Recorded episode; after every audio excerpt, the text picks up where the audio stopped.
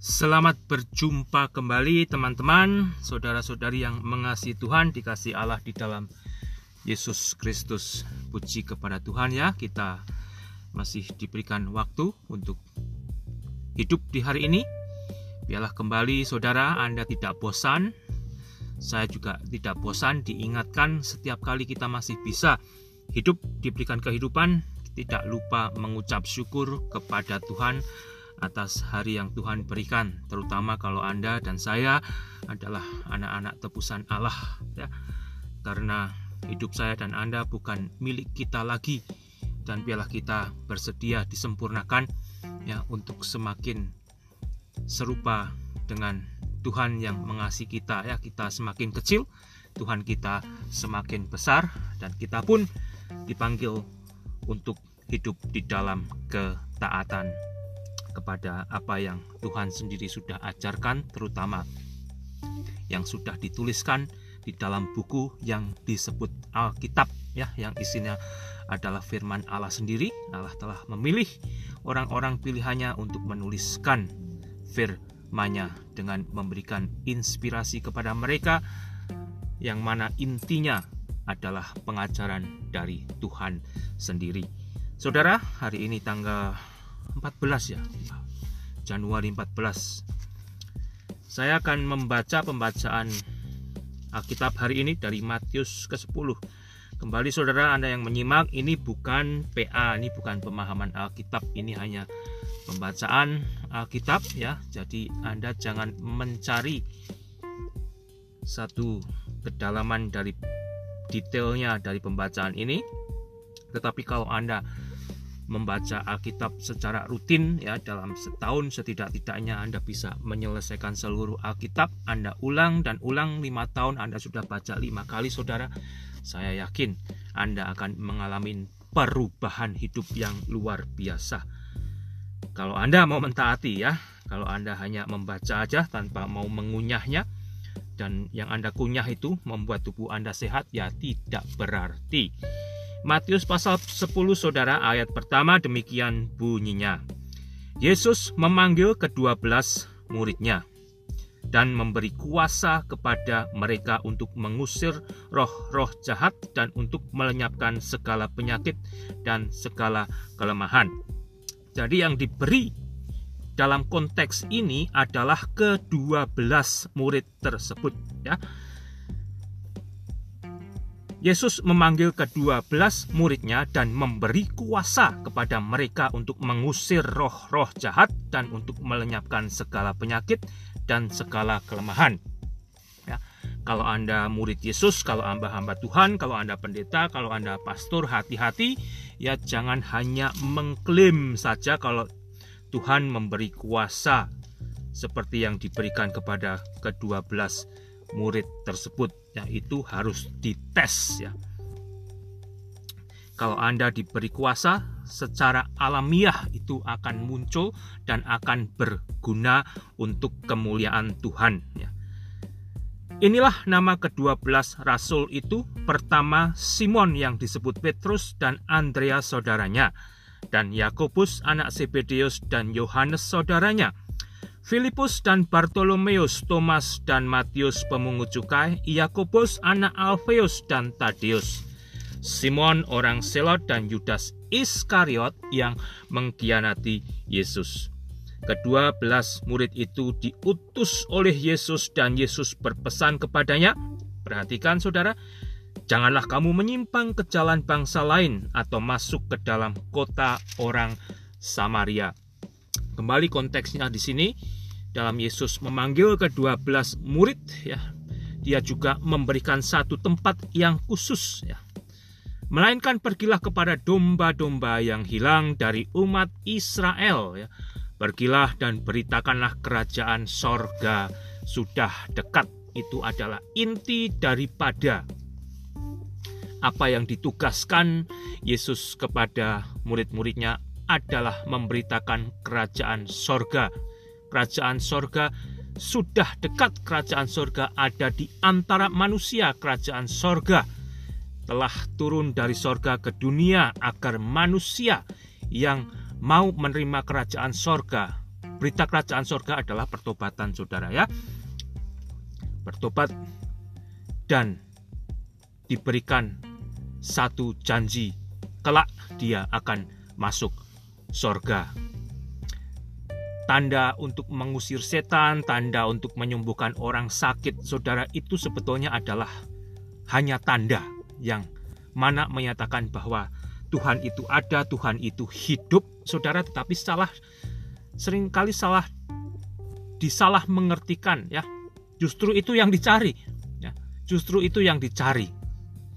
Tidak mencari berita pertobatan yang membawa kehidupan kekal, tetapi justru manusia banyak yang mengagungkan dan mencari keajaiban. Saudara, dan masalahnya juga kalau ada hamba Tuhan yang akhirnya terkenal, hamba Tuhan itu mempunyai tanggung jawab yang sangat amat hebat. Karena apa? Dia akan tergoda. Ya. Dia akan tergelitik apakah dia akan taat tetap memberitakan berita pertobatan atau tidak, Saudara. Ya. Karena pada dasarnya manusia banyak yang menolak berita pertobatan, manusia lebih mencari keajaiban tentang penyembuhan, kesuksesan, dan sebagainya. Tetapi kalau sudah ya memberitakan Injil Kerajaan Surga, ya berita itu adalah berita pertobatan. Ya. Jadi hati-hati, ya. hati-hatilah, karena kembali saudara, penyembuhan dan tanda-tanda keajaiban yang Tuhan berikan itu sebetulnya hanya tanda bagi mereka yang belum percaya. Hanya sebagai tanda bagi mereka yang tidak percaya. Jikalau Allah itu ada, jikalau Allah itu hidup, jikalau Allah itu telah menjelma menjadi manusia, jikalau Allah itu memberikan perintah kepada murid-muridnya untuk melakukan apa yang Tuhan perintahkan. Pergilah dan beritakanlah kerajaan sorga sudah dekat, sembuhkanlah orang sakit, bangkitkanlah orang mati. Yang disayangkan, justru ada pendeta yang memaksa membangkitkan orang mati. Ya, kalau pendeta itu diberikan kuasa, gak usah pendeta lah ya, orang orang yang percaya kepada Tuhan diberikan kuasa untuk bisa membangkitkan orang mati. Secara natural akan terjadi saudara ya. Secara natural akan terjadi. Tidak usah dipaksa-paksakan ya. Kalau ada hamba Tuhan yang memaksakan itu sudah ketahuan sekali salahnya. Ya karena bukan Tuhan yang akan menjadi besar. Dia yang akan menjadi tenar saudara ya. Itu sudah satu hal yang menjerumuskan hamba Tuhan itu sendiri. Sembuhkanlah orang sakit, bangkitkanlah orang mati, tahirkanlah orang kusta, usirlah setan-setan. Kamu telah memperolehnya dengan cuma-cuma, karena itu berikanlah pula dengan cuma-cuma. Jangan dijadikan bisnis, gitu istilahnya ya. Tuhan memberi, itu semua untuk kemuliaan Tuhan, ya. Bukan untuk kemuliaan murid-muridnya, bukan untuk mencari keuntungan, ya. Bukan untuk dijadikan bisnis. Janganlah kamu membawa emas atau perak atau tembaga dalam ikat pinggangmu. Ya. Janganlah kamu membawa bekal dalam perjalanan. Janganlah kamu membawa baju dua helai, kasut atau tongkat sebab seorang pekerja patut mendapat upahnya. Ya. Anda yang mengingini ini semua, maukah Anda ya juga mencontoh apa yang mereka lakukan? Anda pergi berjalan dari satu tempat ke tempat lain tidak membawa bekal, ya, tidak membawa baju double, ya, tidak membawa kasut atau tongkat double sebab seorang pekerja patut mendapat upahnya. Anda 100% mengharapkan bahwa Tuhan akan memelihara Anda ya. Terkadang Anda hanya diberi makanan secuil roti yang sudah kering ya. Jangan menggerutu gitu ya. Terkadang Anda diberi ikan ya jangan Jangan merasa berkelebihan gitu ya. Apabila kamu masuk ke kota atau desa, carilah di situ seorang yang layak dan tinggallah padanya sampai kamu berangkat. Apabila kamu masuk rumah orang, berilah salam kepada mereka. Jika mereka layak menerimanya, salamu itu turun ke atasnya. Jika tidak, salamu itu kembali kepadamu. Dan apabila orang tidak menerima kamu dan tidak mendengar perkataanmu, keluarlah dan tinggalkanlah rumah atau kota itu dan kepaskanlah debunya dari kakimu. Aku berkata kepadamu, sesungguhnya pada hari penghakiman tanah Sodom dan Gomora akan lebih ringan tanggungannya daripada kota itu kota yang 100% menolak Tuhan. Lihat, aku mengutus kamu seperti domba ke tengah-tengah serigala. Ya. Ke mana Anda pergi, saudara? Ya. Anda diutus pergi ke tengah-tengah serigala. Jangan Anda hanya pergi ke tengah-tengah domba ya yang tidak mengerikan, yang tidak menakutkan ya. Kalau Anda mau mencontoh ini, Anda diutus di tempat di mana Anda akan menghadapi tantangan berat. Lihatlah aku mengutus kamu seperti domba ke tengah-tengah serigala, sebab itu hendaklah kamu cerdik seperti ular dan tulus seperti merpati tetapi waspadalah terhadap semua orang karena apa yang karena ada yang akan menyerahkan kamu kepada majelis agama dan mereka akan menyesah kamu di rumah ibadatnya. Ya, Yesus sudah menubuatkan kepada murid-muridnya akan ada yang menyerahkan mereka ya. ya. Apakah Anda mau menerima nubuatan ini juga? Anda akan diserahkan untuk disesah gitu ya istilahnya ya.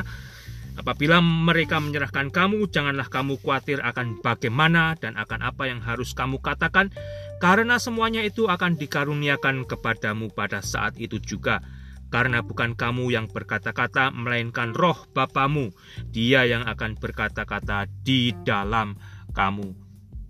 Saudara, di dalam ketaatan Anda, untuk mentaati Tuhan, bahkan untuk berani memberitakan kerajaan sorga, yaitu berita pertobatan, Ya, kalau itu ditolak, kalau Anda dimusuhi, bahkan Anda disakiti, ya, Anda dianiaya, Anda dihadapkan kepada penguasa, Anda sendiri sebetulnya sudah dibekali oleh Tuhan bagaimana menghadapi dan menjawab itu semua. Jadi, saudara, biarlah Anda mempersiapkan diri. Ya.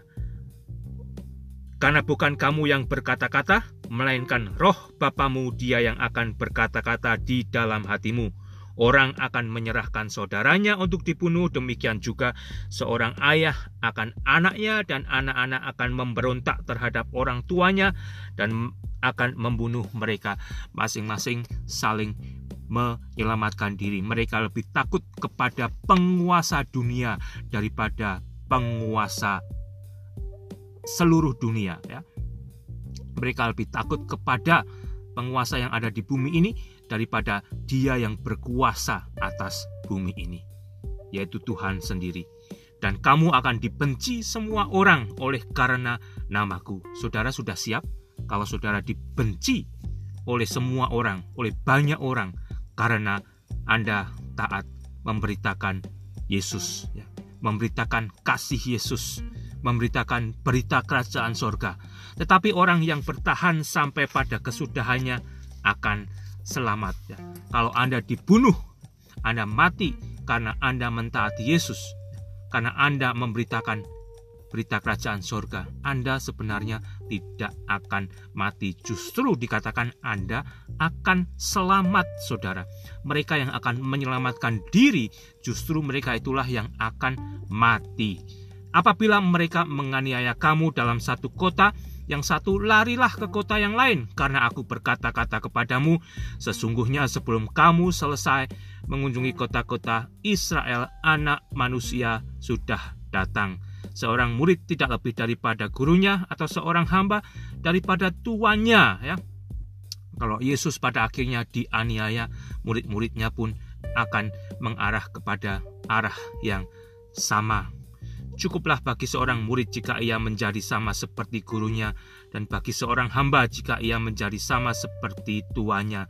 Jika tuan rumah disebut Belzebul, apalagi apalagi seisi rumahnya, jadi janganlah kamu takut terhadap mereka, karena mereka tidak ada sesuatu pun yang tertutup yang tidak akan dibuka dan tidak ada sesuatu pun yang tersembunyi yang tidak akan diketahui saudara ya semuanya akan terbuka di mata Tuhan akan ada hari di mana ya mereka akan dihakimi tidak ada yang bisa disembunyikan oleh karena itu saudara terutama saya dan Anda yang hidup sebagai orang Kristen jangan menyembunyikan dosa ya karena itu akan kembali kepada kita sendiri, akan kembali kepada Anda, dan akan kembali kepada saya. Jangan hidup di dalam dosa yang tersembunyi.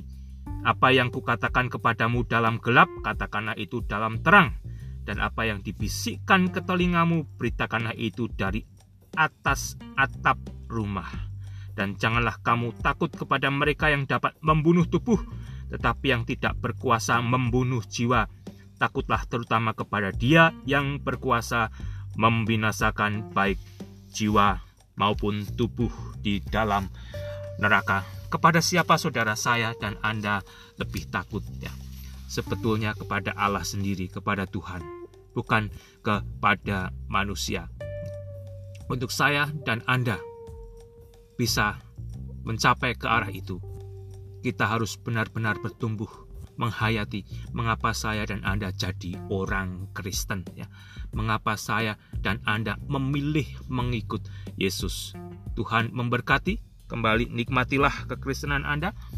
Praktek praktekkan saudara dari hal-hal yang dekat ya. Bagaimana Anda menggunakan mulut Anda, otak Anda, hati Anda, ya telinga Anda, mata Anda ya perbuatan Anda sehari-hari, praktekkanlah itu dari hal-hal yang kecil ya. Kita gunakan dengan baik, kita gunakan untuk memuliakan Tuhan ya di dalam di tengah-tengah keluarga kembali Saudara ya. Di tengah-tengah pertemanan, di dalam pekerjaan dan sejauh kita juga berada. Tuhan memberkati, selamat bekerja bagi yang masih bekerja, bagi yang berlibur selamat berlibur ya.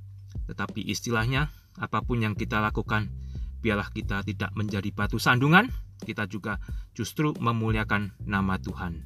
Amin.